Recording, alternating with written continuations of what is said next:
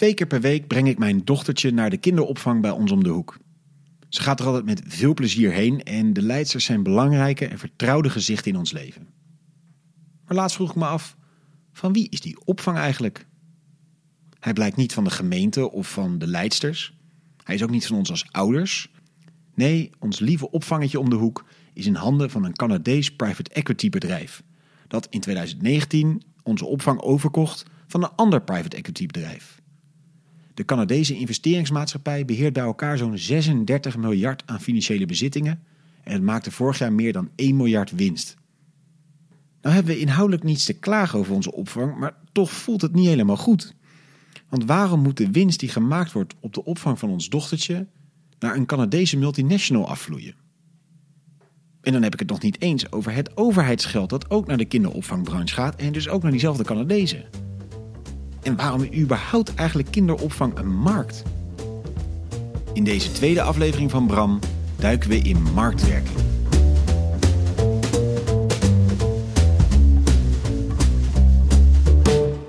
Goed dat je luistert naar Bram, de podcast die een stapje terug doet van de politieke dagkoers en zich richt op de grootste politieke vragen van dit moment.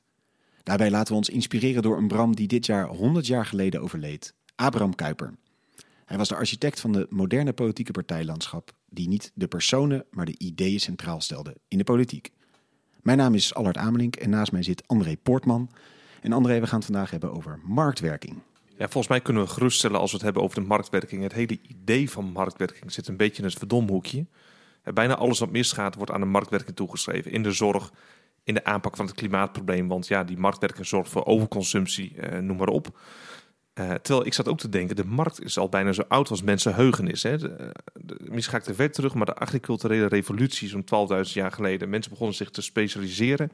Sommigen verbouwden gewas, anderen hielden vee.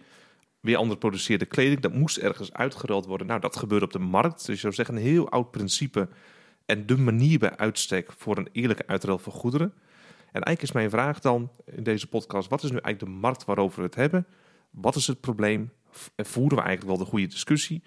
En voeren we die discussie op de goede manier? Nou, die vragen zou ik graag ja. Eh, beantwoord zien in deze podcast.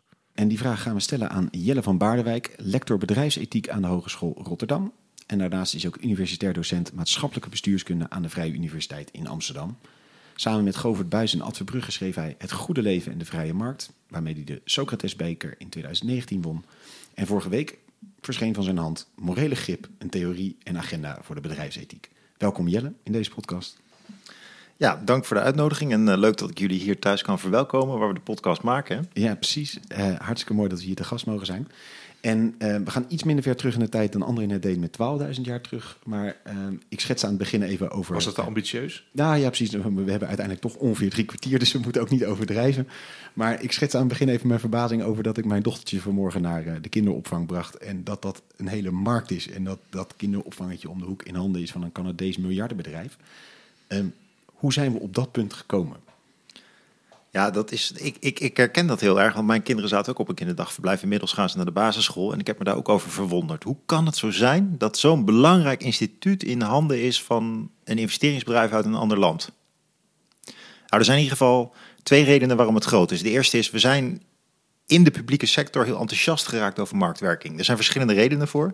Nou, een heel belangrijke is wel dat wij denken dat de markt dingen efficiënter aanpakt en dat het daarna goedkoper blijft. Dat het daardoor goedkoper blijft. Dus dat de verwachting van efficiëntie, die is heel hoog. Ja, tegelijkertijd, kinderopvang is nooit echt een markt geweest, want het hangt van subsidies aan elkaar. De hele toeslagenaffaire trouwens, zoals die afgelopen weken speelde, is voor een belangrijk deel ontstaan uh, door het verkeerd administreren en uh, verkeerde omgang met, met toeslagen voor kinderopvang. Dus het is ook nog eens een heel actuele casuïstiek. Je moet je echt bedenken dat gezinnen met een net ondermodaal inkomen tot wel 10.000 euro per jaar subsidie krijgen om hun kinderen naar kinderopvang te brengen. Drie dagen in de week dan. Dus dat gaat om, om enorme bedragen. Dus het is eigenlijk een, ja, een, het, is, het is weliswaar een bedrijf waar je je kinderen heen brengt, maar het is een quasi-markt. Het hangt echt van subsidies aan elkaar. Ja, het is een markt die niet functioneert als je dus niet tienduizenden euro's aan een gezin geeft om die producten te kunnen kopen. Precies, en daarmee is het eigenlijk een half instituut, half bedrijf. En het verschil is dat een instituut echt een normatief doel heeft, namelijk de mogelijkheid bieden dat kinderen al vroeg uh, worden opgevangen. Zoals en school, zeg maar. Ja, nou ja, school is natuurlijk echt een instituut. Ja, dat, ja. Nee, daar is ook, net, dat is echt dat, een instituut. Dat is echt een voorbeeld van een instituut.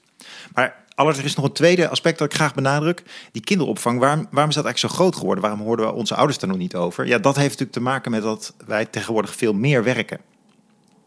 Uh, dus dat leggen we vaak uit in termen van emancipatie, dat de vrouw nu ook werkt. Maar hier zie je wel duidelijk de keerzijde, dat kinderen veel vaker worden weggebracht omdat ze niet thuis kunnen zijn, omdat papa en mama werken. Nou, dat is een interessant aspect eraan. Dus waarom, waarom is die kinderopvang zo groot geworden? Nou, we zijn veel meer gaan werken. Ja.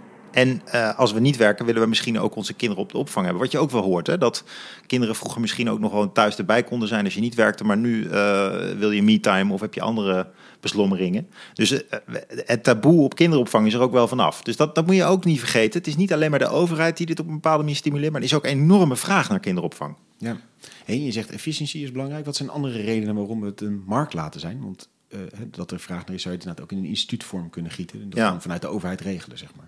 Ja, dus ik, ik onderscheid vier meer filosofische of ethische argumenten voor, uh, voor marktwerking.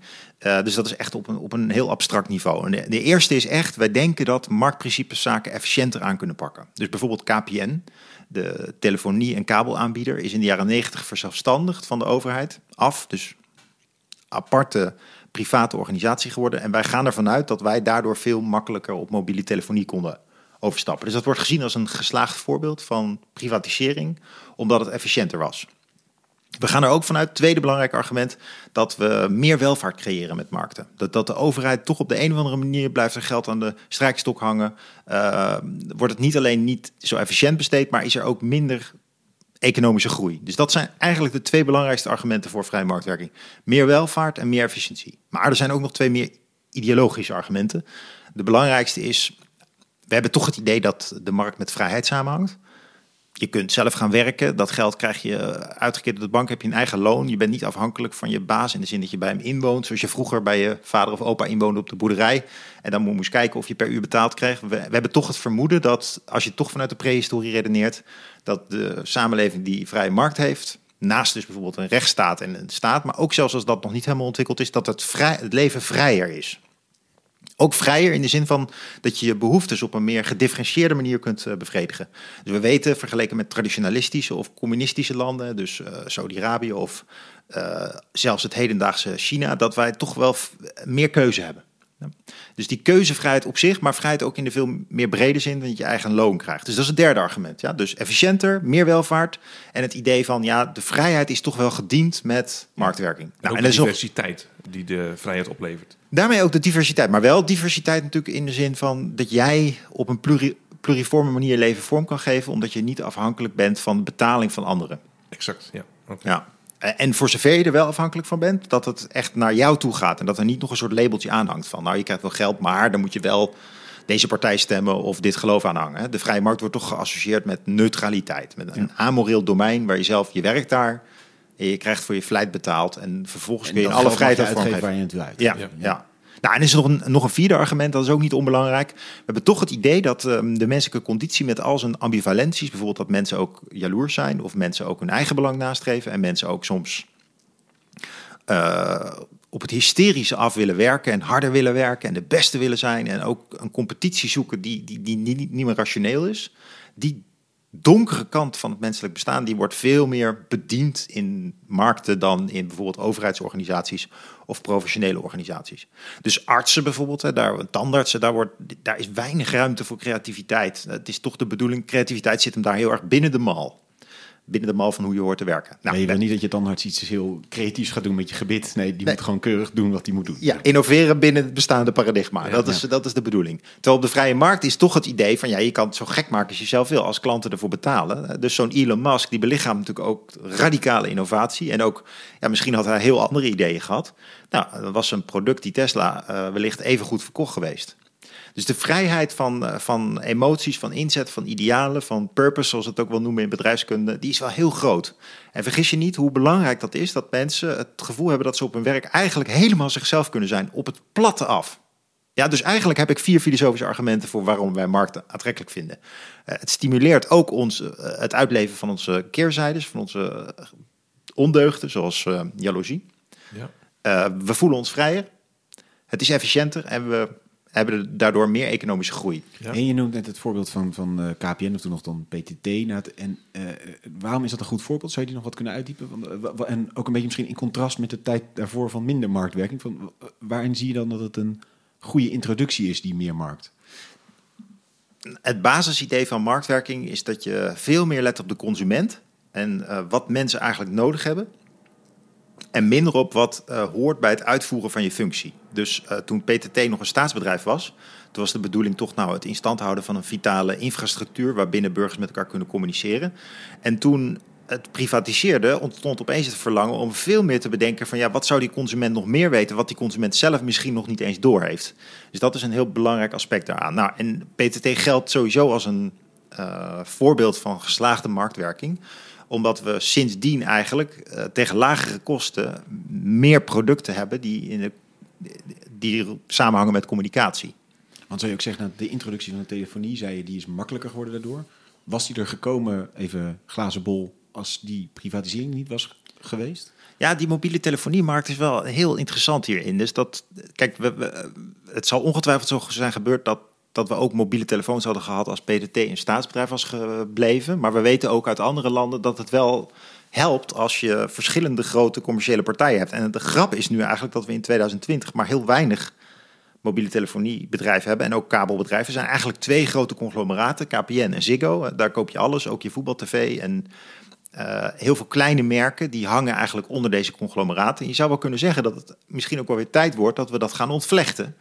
Uh, omdat we nu weer minder concurrentie zien, waardoor de prijzen stijgen en ook het productaanbod eigenlijk best wel verschaalt. Ja, terwijl ik heb ook wel eens uh, gehoord.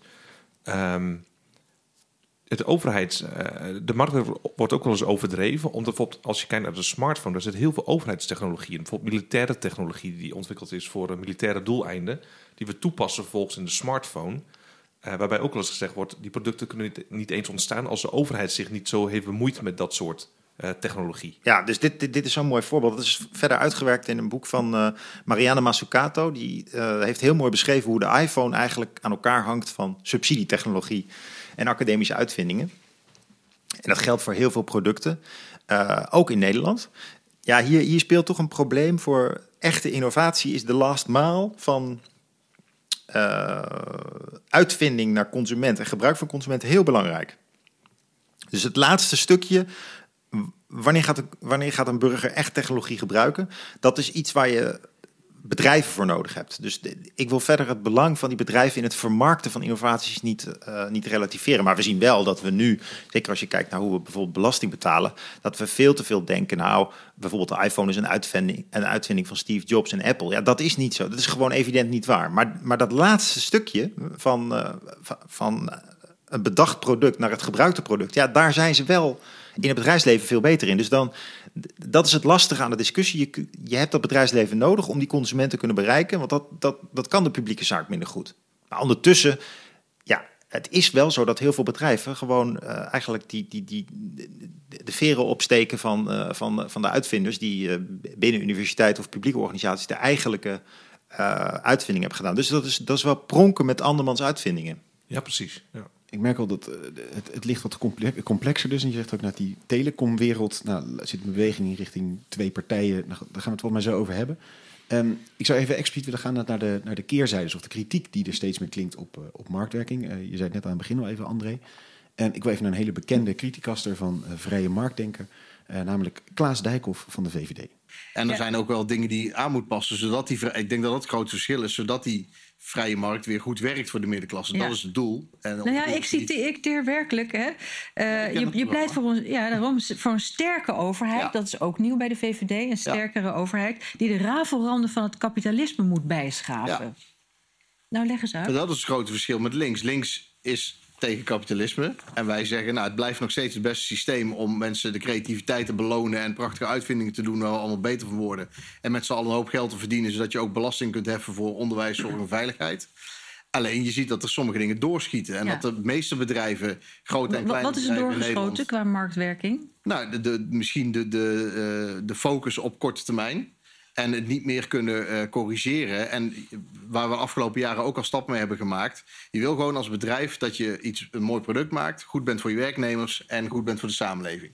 De meeste bedrijven in Nederland willen dat ook. Maar dan is het wel extra zuur als jij vals beconcurreerd wordt. Doordat er uh, een bedrijf uit China met staatssteun in de rug onder jouw prijzen kan zitten. Die belastingen niet betalen. Of andere bedrijven die met allerlei fiscale constructies belastingen niet betalen. En jou kapot concurreren.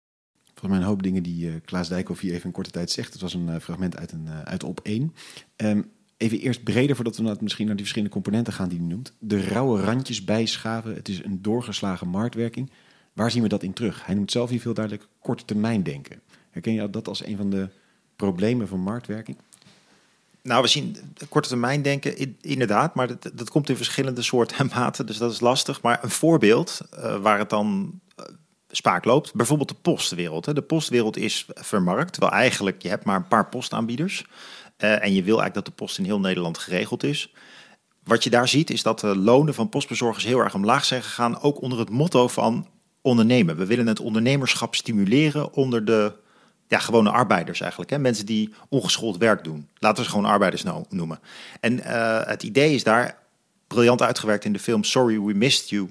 Gaat over de Engelse situatie, maar lijkt toch wel behoorlijk op de Nederlandse situatie. In de zin van dat heel veel postbodes in Nederland um, onder het motto van ondernemerschap zelfstandig zijn gaan werken. Zelf weliswaar geen busjes hoeven in te huren zoals in Engeland, maar wel hun eigen orders moeten regelen. Nou, we hebben het gezien rondom de druktes van Sinterklaas dat die met die impuls van je bent je eigen ondernemer toch veel meer werken en ook s'avonds nog pakketjes komen brengen. En wat je daar ziet is dat die mensen uitgekleed werk hebben, eigenlijk niet per se veel meer zijn gaan verdienen. Ondertussen nog wel in het pakje van uh, PostNL bijvoorbeeld moeten rondlopen. En uh, dat, daar, daar heeft uh, Wal het schip wel doen keren. Want een aantal postbezorgers zijn nu weer toch in vaste dienst gekomen.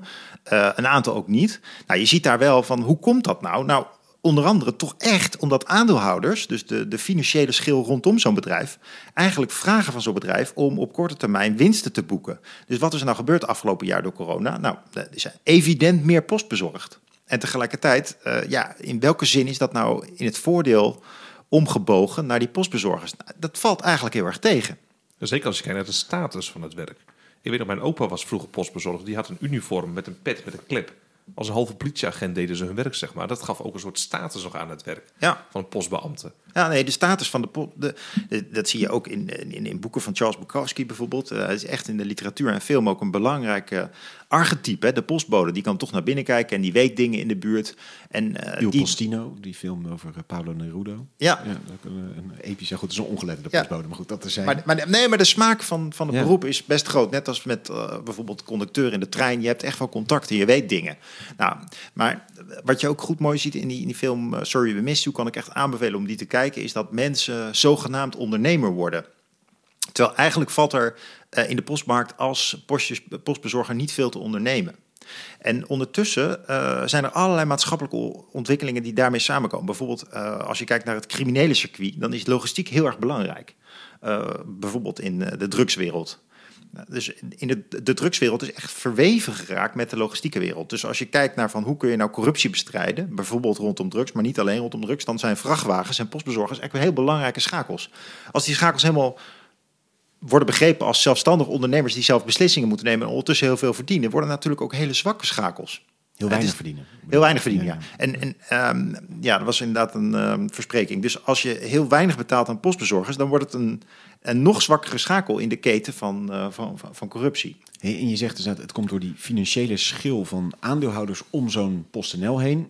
Die, die drukken richting meer, ja, wat minder uitgaven, meer inkomsten, betere ja. balans, zodat zij meer geld overhouden. Eigenlijk willen die dus meer verdienen, ja, efficiëntere organisatie en zelf ook zoveel mogelijk denken in de logica van als de consument maar tevreden is, is het goed. Nou, en, en er zijn allerlei uh, factoren in de hele keten die daar ook nog weer extra de schroeven aandraaien. Dus denk bijvoorbeeld aan dat mensen op bol.com uh, iets kopen en denken dat het boven de 20 euro niks kost om het te bezorgen. Ja, uiteindelijk die, dat het gratis is, dat, hoe komt dat? Hè? Dat komt ook omdat die grote postbedrijven meewerken aan dat soort uh, bulk inkopen. En uiteindelijk de rekening, de kind van de rekening, ja, dat is dan toch die postbezorger.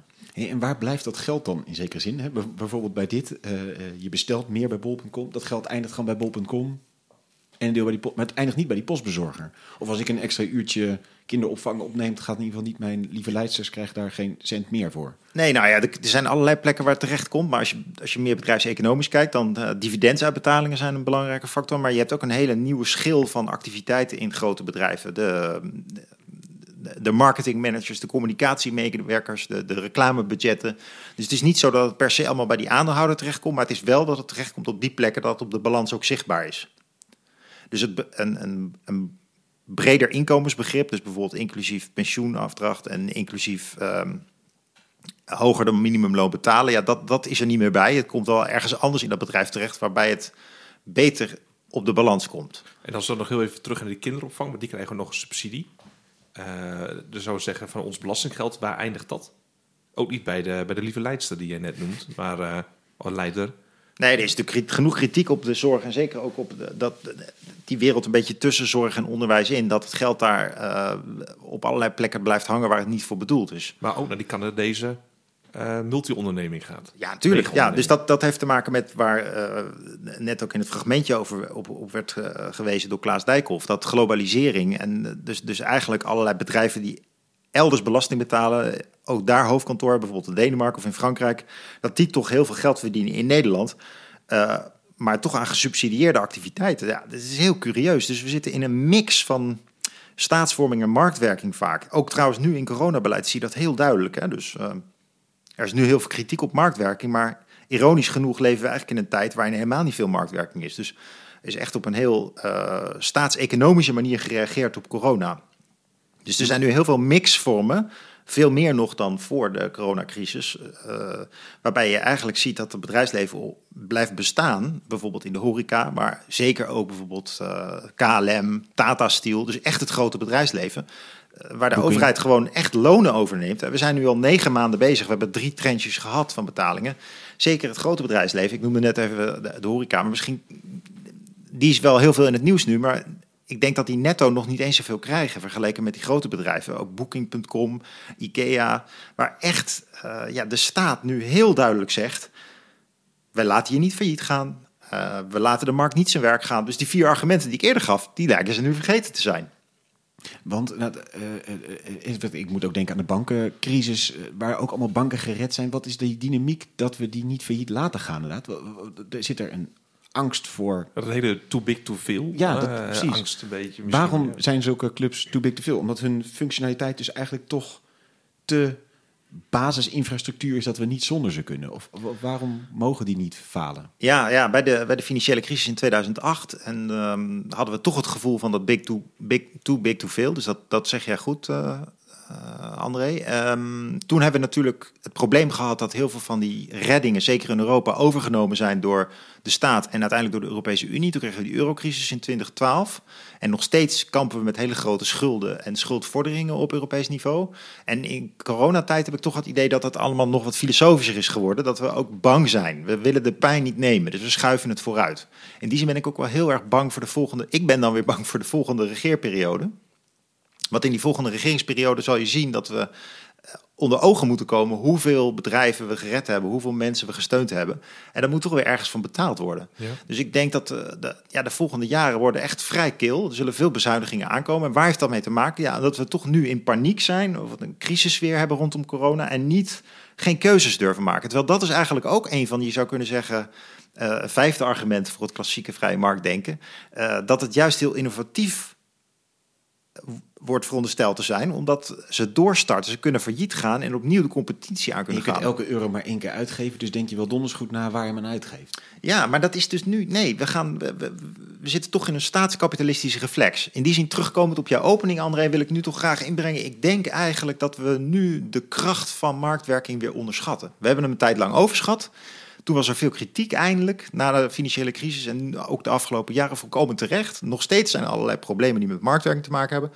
Maar nu die coronacrisis, daar denk ik ook van, nou, laat sommige bedrijven nou gewoon failliet gaan. Waarom kan KLM niet failliet? Waarom kan Tata Steel niet verdwijnen? Dat is, dit zijn juist eigenlijk uitgelezen momenten om, om het te laten gebeuren. Ja, om het te laten gebeuren en te kijken of de markt nou echt zijn werking kan doen. Ja, en het interessante is natuurlijk waar we het vorige week, uh, vorige aflevering met Ties over hebben gehad, en dat ook KLM al eigenlijk vanaf het begin ongeveer uh, subsidieafhankelijk is, al van het begin van hun oprichting. Dus dat er zit iets, iets heel geks inderdaad. Ja, en ook dat je ziet hè, dat als zo'n bedrijf in België, die vliegmaatschappij, kwam vorige week aan de orde is failliet gegaan, dat je ziet dat het effect op de werkgelegenheid relatief is. Dus dat het ook wel weer weggemasseerd wordt uh, na verloop van tijd. Dus het hele idee van too big to fail is ook een paradigma waar we ons een beetje in opsluiten, zou je dan kunnen zeggen. Ja, zeker.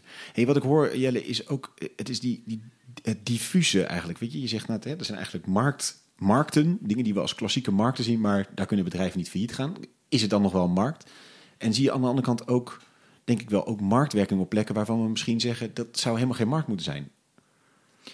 Klopt het dat het zo ja, schemerig is? Ja, het is, een, het is een schemerig tussengebied. En dat komt ook door, dat komt door geld en eh, technologische innovaties. Laat ik met die laatste beginnen. Je ziet nu bijvoorbeeld een bedrijf als Google of Facebook. Is dat nou een bedrijf?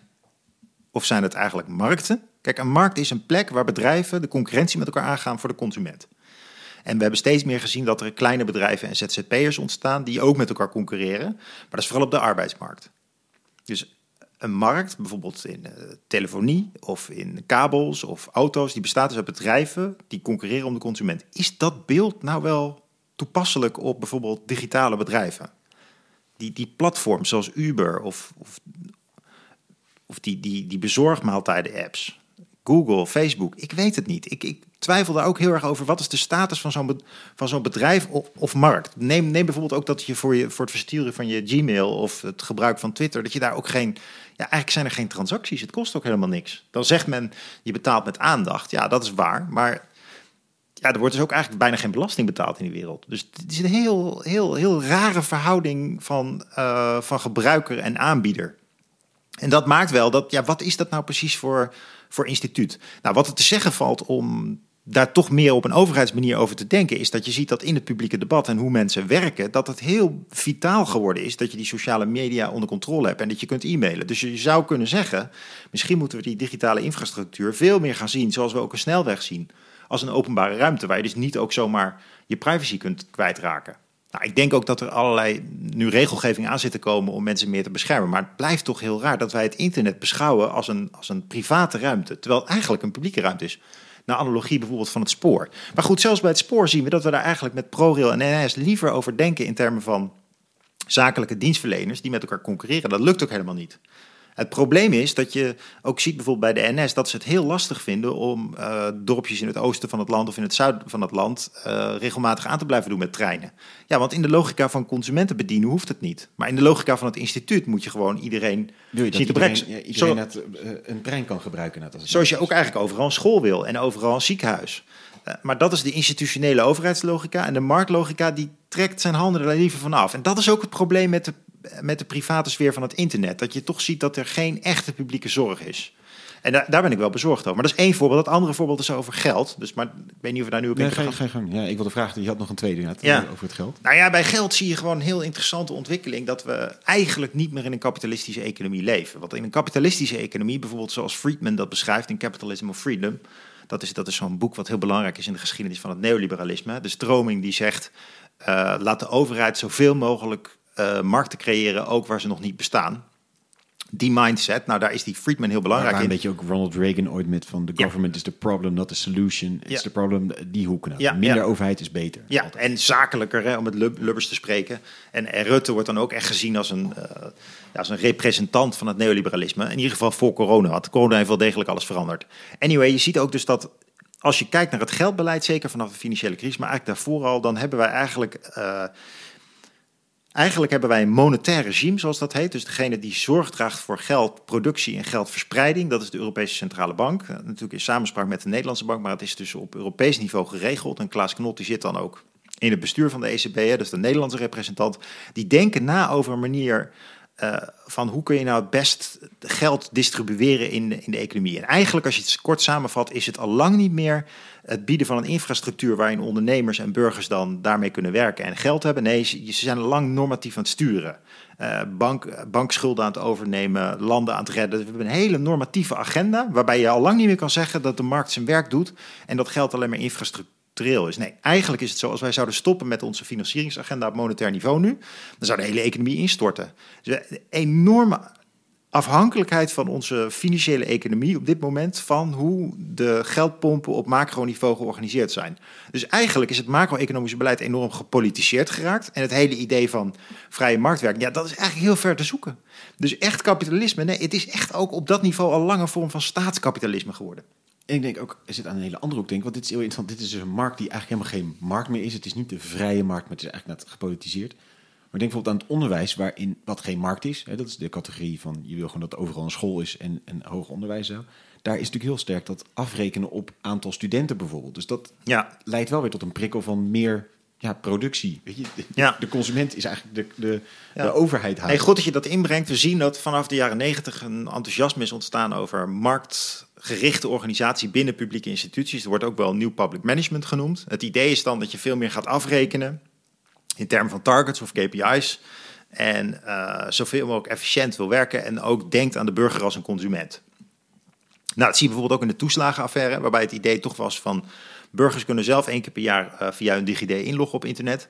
En dan zelfredzaam, alsof het ondernemers zijn, aanvullen. Nou, willen ze dit jaar wel of niet die toeslagen? En als ze het een keer vergeten, dan is het hun eigen schuld. Want die burgers moeten natuurlijk wel mondig en zelfredzaam zijn. En uh, dat speelt ook op het niveau van werk. We, we, kennen dat van de zorgminuten op het werk. En uh, continu monitoren van personeel, weten we ook uit de horeca. En um, eigenlijk de strakke, efficiënte organisatie. Maar dat was eigenlijk al veel meer in de markt altijd het geval. En dat zijn we dus nu ook in zorg, in onderwijs en sowieso bij overheidsinstituties gaan doen. En dat betekent ook dat we dus de burger anders zijn gaan benaderen. En daar zie je wel een frappante overeenkomst tussen de schaduwzijde van marktwerking en de schaduwzijde van overheidswerking. En dat zie je bijvoorbeeld heel goed in de toeslagenaffaire terugkomen. Namelijk dat allebei, zowel de overheid als de markt, zijn wel erg gericht op het beheersbaar maken van dingen vanuit spreadsheets. Aansturen op bepaalde parameters, zoals Wiebes tijdens die voor verhoren, parlementaire verhoren zich ook verdedigde. Uh, bijvoorbeeld tegenover uh, Renske Luijten. Dat idee van, ja kijk, er is van alles misgegaan bij de, bij de Belastingdienst. Maar je moet, het, je moet het wel zo zien dat de Belastingdienst eigenlijk ook een, eigenlijk bestaat uit vijf parameters. Vijf machinale uh, beslisscripten die maken waarom een burger op een gegeven moment een, een, brief op de deurmat krijgt en iets moet invullen via DigiD op internet. Dat is een heel erg geautomatiseerd werkproces, waar ondanks, desondanks heel veel mensen werken natuurlijk, maar die zijn eigenlijk allemaal op een systeemmanier aan denken. En dat is wel de frappante overeenkomst tussen radicale marktwerking en radicale overheidswerking, dat wij erg vertrouwen op beheersing, controle en kwantitatieve inrichting van processen, waardoor de menselijke maat vaak toch verdwijnt. Nou, en gek genoeg zie je juist in marktwerking, dus bijvoorbeeld Amazon is ook een volkomen gedigitaliseerd bedrijf haast uh, anti-menselijk ingericht. We, we, hebben ook allemaal horrorverhalen van uh, de logistieke ketens en hoe mensen daar in de bedrijven uh, worden, worden behandeld. Maar tegelijkertijd zit het heel dicht op de behoeftes van de consument. Ga maar zo'n website op, hoe dat je behoeftes bespeelt en hoe snel je contact kan krijgen. Ja, dat is heel mensgericht enerzijds, en maar tegelijk... aan de andere kant dus ook eigenlijk ja, ja, knijpt het mensen aan de andere kant uit. Ja, en dat, maar toch zie je dat dus ook op een, op, een, op een hele rare manier bij overheidsorganisaties terugkomen. En daarom zou ik wel willen zeggen, kijk, het probleem is niet alleen maar uh, de, de marktgerichte organisa organisatie van de overheid. Ook gewoon een strikt bureaucratische benadering van de overheid kan ook heel onmenselijk zijn. En dus heeft iets heel dubbels. Want aan de ene kant willen we dat ook, want we willen uh, als jij de overheid iets vraagt, dat je zonder aanzien des persoons direct eigenlijk alsof je een nummer was, wordt behandeld. Want anders denk je weer van waarom word ik hier speciaal behandeld? Dus je wil als gelijke behandeld worden. Maar de keerzijde, de bureaucratische keerzijde daarvan, nou ja, die wreekt zich nu ook. Bijvoorbeeld tussen in die toeslagenaffaire, maar in, in, in heel veel andere kwesties hoor je mensen geïrriteerd reageren. En het grappige is, of het, grap, het pijnlijke is, ja, de markt doet dat ook. Hè? Dus dat, de oplossing is niet zomaar van laten we nou veel instituties op een typisch bureaucratische manier organiseren. Dan is het opgelost. Nee, nee dat, daar zit hetzelfde in. Ja, ik zat te denken, wat is eigenlijk een enorme paradox. Dus waar je met de marktbeweging naar minder bureaucratie wil, zijn we nu alsnog het slachtoffer van een enorm bureaucratische overheid, die eigenlijk los is gezongen van de, die hele systeemwereld is losgezongen van de echt concrete leefwereld van mensen, lijkt het. Nee, dat denk ik ook. Dus de, een, een van de problemen van uh, overheidsorganisaties zoals Weber dat al beschrijft... en een van de problemen van economische organisaties zoals dat ook in de bedrijfskunde al wordt uh, beschreven... is dus dat, uh, dat het een naar zichzelf verwijzende dynamiek wordt... waar je dan als klant of als burgergroep moet aansluiten. En als je dat begrijpt, dan lukt het. Als je dat niet begrijpt, dan blijf je ronddobber in de leefwereld. En nou, het is dus niet voor niks dat je al van oudsher ook denkers hebt die zeggen... laten we meer vanuit de maatschappij, van onderop denken, meer coöperatief, uh, meer vanuit het maatschappelijk middenveld en wat minder dus vanuit uh, die sterke instituties. Ik heb daar ook wel gemengde gevoelens bij. Dus ik denk zelf dat een mix van deze drie instituties heel goed is en dat ondanks de problemen van de overheid en de staat ook niet zomaar is dat bijvoorbeeld een, een vereniging allerlei taken van de overheid kan overnemen. Maar nu lijken we vast te lopen in institutionele logica's. Is dus een correctie vanuit zelforganisatie best, lijkt best welkom te zijn. Maar het is, nog, is makkelijker gezegd dan gedaan. Het is een mooi bruggetje, Jelle, naar uh, de bijdrage van professor Dr. George Haring van de Vrije Universiteit in Amsterdam. Want die gaat ongeveer 150 jaar terug in de tijd naar Abraham Kuyper. En die zegt inderdaad uh, een oproep voor de samenleving als morele gemeenschap te zien. En dus ook markt als een morele gemeenschap. Stel je Abraham Kuyper niet voor als minister-president in de Tweede Kamer. Of op de kansel van de Domkerk in Utrecht maar als iemand onder de mensen. Een dominee die in zijn Amsterdamse gemeente te maken had met werklozen, met mensen met schuldproblemen, die zieken moest bezoeken in vochtige woningen en schurftige catechizanten les moest geven. Zijn predikantswerk in de Jordaan had meer overeenkomsten met de hulp aan drop-outs rond de Pauluskerk in Rotterdam dan met het pastoraat voor gezeten burgers in de Kloosterkerk in Den Haag. Kuiper kende de mensonterende omstandigheden van de moderne economie van nabij. De sociale kwestie werd niet toevallig een rode draad in zijn leven. Wat was die kwestie? Heel eenvoudig deze. Dat het gewone fabriekswerk, dat destijds de meerderheid van de bevolking deed, gedaan werd volgens economische wetten die, zo schreef hij in 1889 in zijn brochure Handenarbeid, de menselijke existentie van de arbeider verlagen. Was dit een economisch probleem dat met een ingreep of een aalmoes te verhelpen viel? Nee, schreef hij in 1889. De fout was het systeem.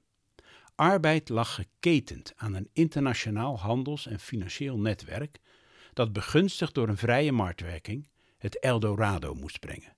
Dat laatste klopte, althans voor de mannen met geld. Maar Kuiper zag onder de massa de keerzijde van dit systeem. Arbeiders waren inwisselbare koopwaar en geheel rechteloos. Geen Eldorado, maar uitbuiting van de arbeidersmassa door anonieme geldmachten. Het is alsof je Michael Sandel hoort over het doorgeschoten marktdenken van nu. Dat marktdenken dreef in Kuipers dagen de hogere en de lagere klassen uit elkaar, net als vandaag gebeurt. De sociale apartheid van de arbeiders leidde tot een kloof en uiteindelijk tot stadsoorlogen, zoals het Palingoproer van 1886. De samenleving brak in stukken. Niets kon dit uiteenvallen keren, schreef Marx. Toch wel, zei Kuiper. Maar dan moest de oplossing niet gezocht worden in de omkering van de machtsverhouding van arbeid en kapitaal, die de Sociaaldemocraten predikten. Eerst moest de samenleving aanvaard worden als morele gemeenschap, gebaseerd op recht en zoekend naar vrede.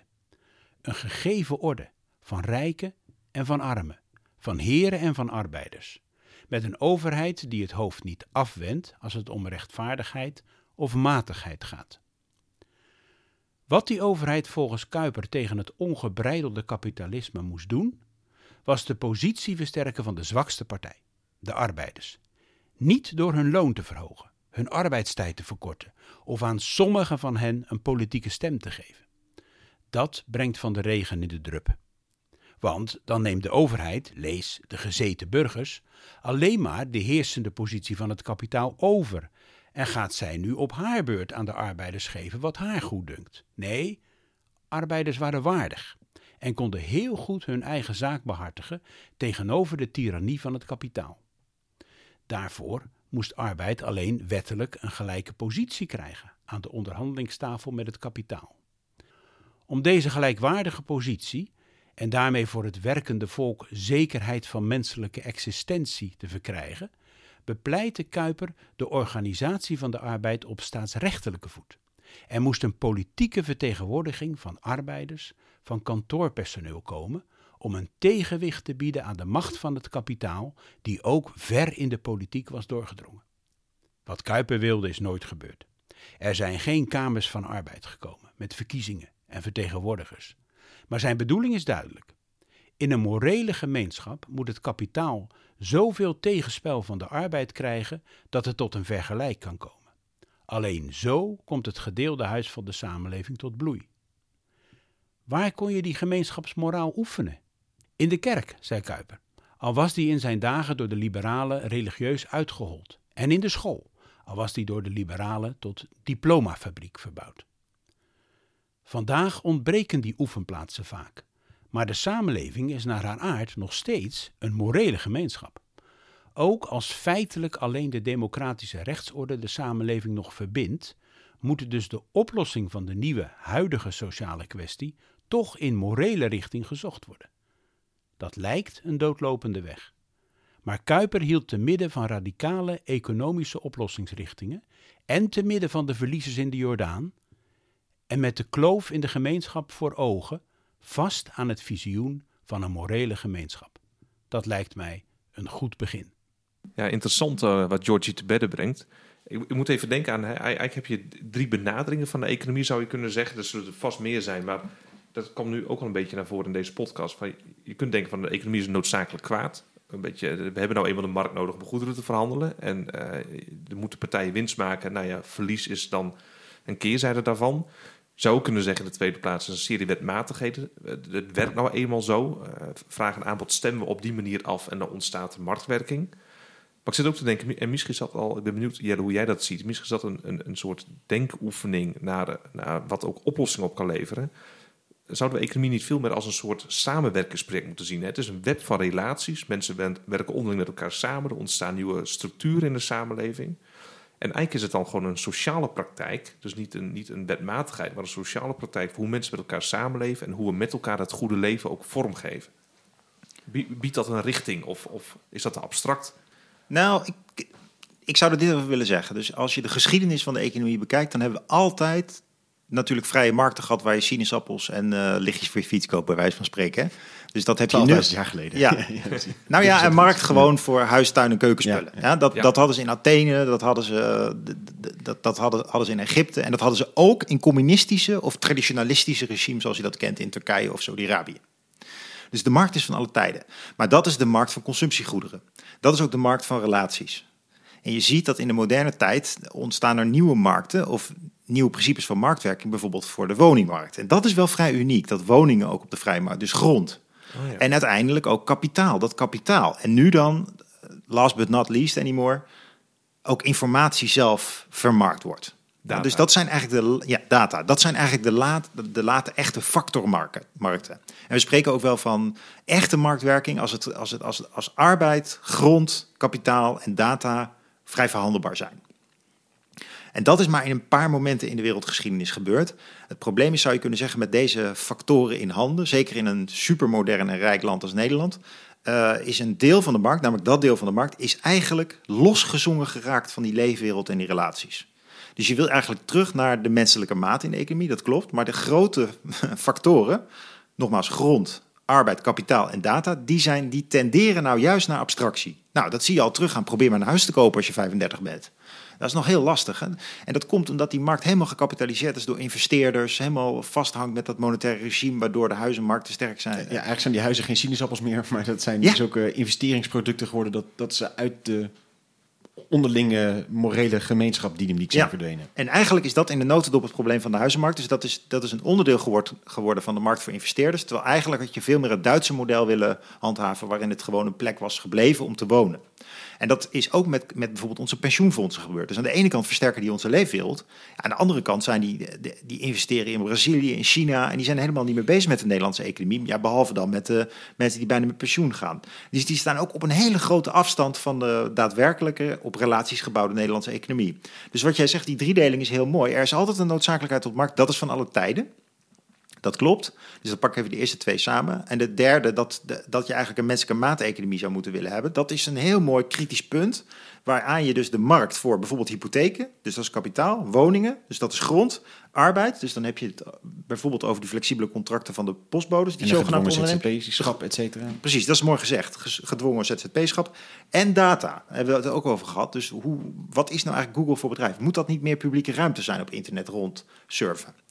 Uh, die moet je dus toetsen aan de, aan de menselijke maateconomie die jij schetst. En dat is echt een, dat is echt een stretch. Die liggen echt enorm ver van elkaar af. Niet in de zin van gebruik als consument, burger in de gedaante van consument. Nee, we gebruiken het heel intensief. Maar het staat qua onze rechten, de bescherming, de indeling ervan toch erg ver van ons af. Ook van onze maakbaarheid af. We hebben daar weinig maakbaarheid over. Dus je ziet ook bijvoorbeeld, er zijn veel te weinig technologieaanbieders in Europa. Dus het zit allemaal in Silicon Valley of in China. Dus je zou dat veel meer onder controle willen krijgen. Weer die menselijke maat terug willen brengen. Ja, je zou dat willen terugbrengen. Ik krijg bij sommige van deze ja, soort oerkrachten ook het idee dat we op een soort point of no return zijn. Dat je niet meer... Zijn deze machten nog te breken? Kan ik nog zeg maar, in maart iets anders stemmen waardoor er hier iets aan gedaan wordt? Of, of staat dit eigenlijk helemaal buiten onze macht? Ja, het is aantrekkelijk om in dat soort eindgevoelens te denken. Van, kunnen, we nog, ja, kunnen we het nog wel veranderen?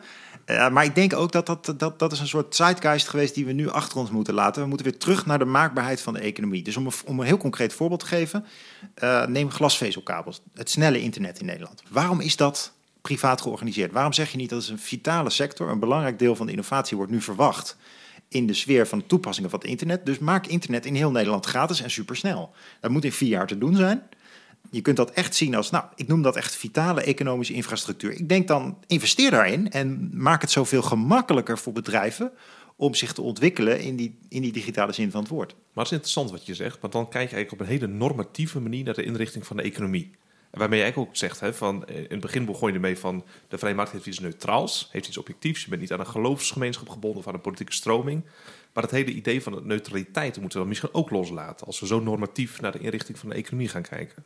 Ja, inderdaad. Ik sta dus ook op het standpunt dat je wil nadenken over hoe de vrije markt eigenlijk het gedeelde goede leven dichter bij elkaar brengt. Hoe maak je het makkelijker voor mensen om economisch succesvoller te worden, om vrijer te leven? Ja, en dan helpt een goede digitale infrastructuur. En ik denk ook dat een gezonde concurrentie daarbij helpt. En dat zijn eigenlijk dus best kapitalistische ideeën. Ik denk dat heel veel echte marktdenkers er ook voor zijn dat de overheid wel de condities voor marktwerking moet scheppen. En nu zien we dus dat de overheid juist op het niveau van de condities zegt: nou laten we met marktspelers gaan werken. Dus de digitale ruimte is zelf eigenlijk privaat. Ja, ik vind dat heel raar. Zeker als je bedenkt wat voor privacy discussies er nu woeden. En in, in welke zin we ook afhankelijk worden van landen die heel ver hier vandaan liggen, waardoor er ook geen employ ontstaat rondom uh, de vormgeving van de digitale economie. Dus ja, zeker, dat is een normatief perspectief, maar het is volgens mij helemaal in lijn met wat wij willen met een modern land, waar je dus niet alleen een democratie en een rechtsstaat en een sterke overheid hebt, maar waarbij je ook een sterke, vitale, vrije markteconomie hebt. Dus volgens mij, het is weliswaar normatief, maar niet in een zin van dat je denkt, nou wat paternalistisch. Nee, het is juist infrastructuur, het is juist mede mogelijk maken. Ja, de digitale snelweg noemen we niet voor niks. Ja, de digitale snelweg. Ja, en, en dus de vrije markt moet in zichzelf, die vrije ruimte, zeg maar, het vergt gewoon veel inzet om eigenlijk die ruimte goed te creëren.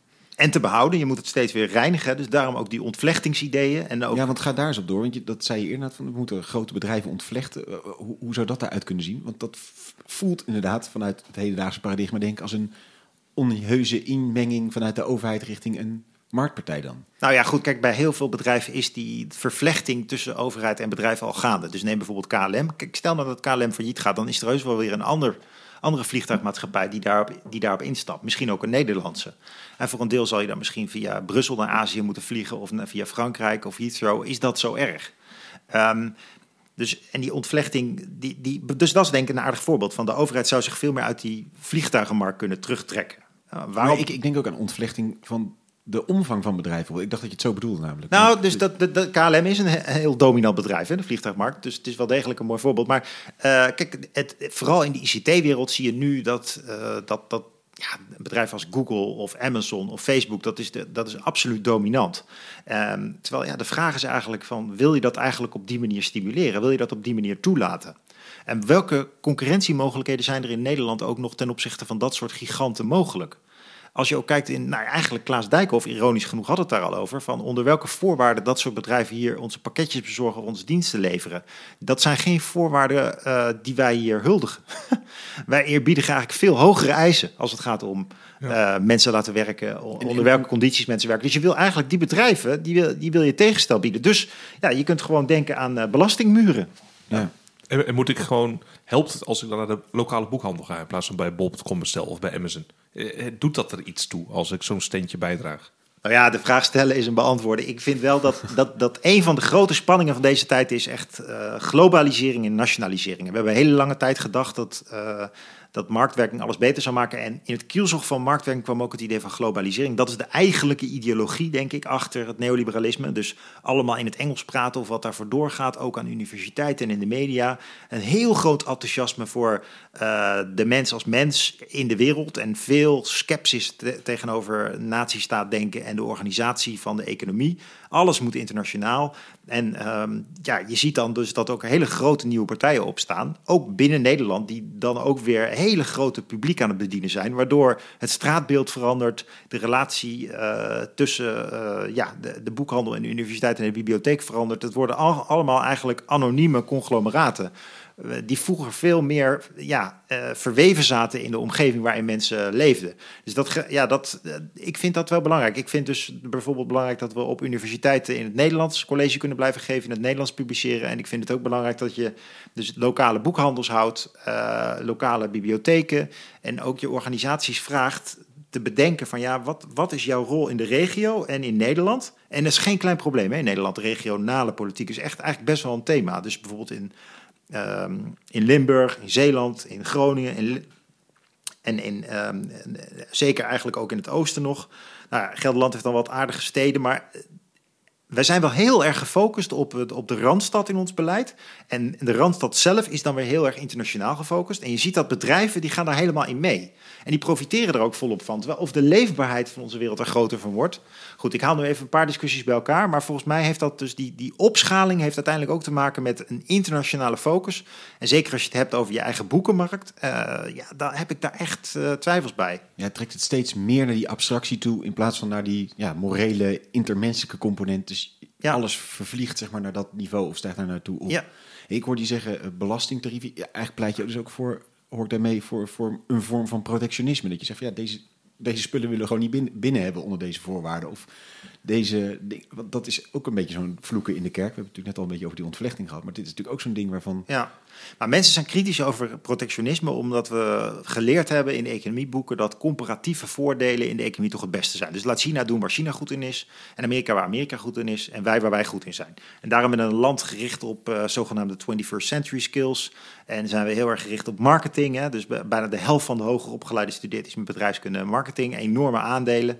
Uh, van die mensen zijn daarmee bezig. En dat, dat, dat model begint nou wel ja, uh, te kraken, vind ik. Dus je wil eigenlijk weer meer bedenken van... ja, maar wat willen we in Nederland gewoon goed georganiseerd hebben? Ook al kunnen ze het misschien beter in Amerika. Dus ik ben niet zo'n tegenstander tegen protectionisme. Trouwens ook niet, omdat veel dingen die uh, wij zogenaamd niet goed kunnen en uitbesteden...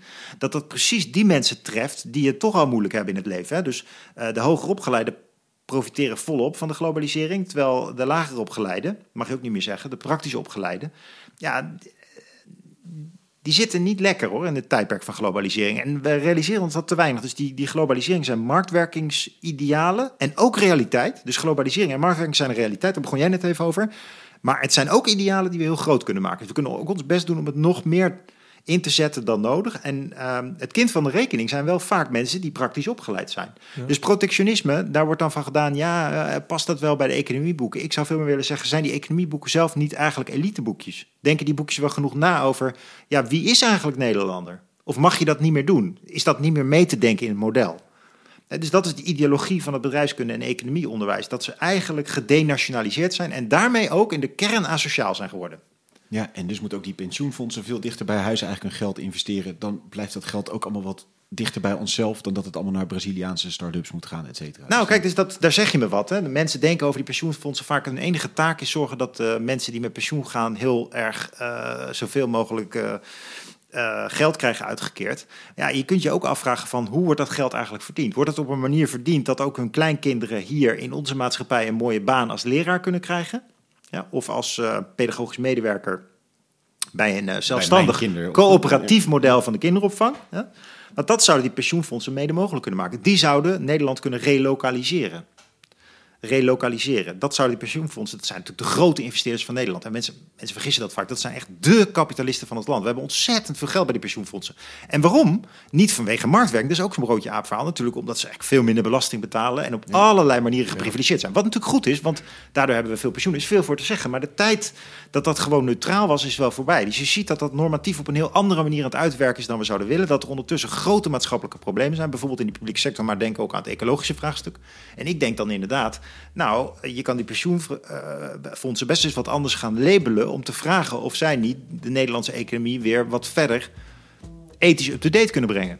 Ja, en dat heb ik denk namelijk daar ook wel aan overgehouden. Dat ethisch up-to-date brengen, dat, dat kan dus ook. Want we moeten niet defetistisch denk ik zijn over wat er dus kan qua economie. Er zijn niet een soort oerkrachten die onomkeerbaar zijn. We kunnen er ook iets aan doen. Ja, ik heb net een boekje uitgebracht, dat heb ik niet voor niks morele grip genoemd. Volgens mij, onze economie ontspoort in allerlei opzichten, ramt tegen de zijkanten aan, ecologisch, psychologisch, denk aan burn-outs, maar ook dus in de manier waarop we met data omgaan, hoe dat slecht uitpakt voor onze privacy. Maar ik denk dat je die dingen best in de grip kunt krijgen. Dat is niet zo moeilijk als we denken. Dankjewel Jelle. Dat ligt ook gewoon bij de lokale boekhandel? Nee, kun je downloaden. Leuk dat je luisterde naar deze tweede aflevering van Bram. We zijn benieuwd wat jij vindt van de analyse van Jelle. Herken je dat de marktwerking op bepaalde punten is doorgeslagen en dat er juist andere plekken zijn waar je denkt er zou wel wat meer markt mogen zijn? En herken je ook dat uiteindelijk zowel de overheid als bedrijven te ver kunnen gaan in hun neiging tot beheersing? En hoe draag jij bij aan een meer lokale economie? Laat ons weten in de Telegram groep. Je kunt je aanmelden via www.cda.nl/wi. En daarnaast raad ik je zeker aan om je te abonneren op deze podcast, want nog voor de kerst verschijnt een derde aflevering met een zeer bijzondere gast. Graag tot dan.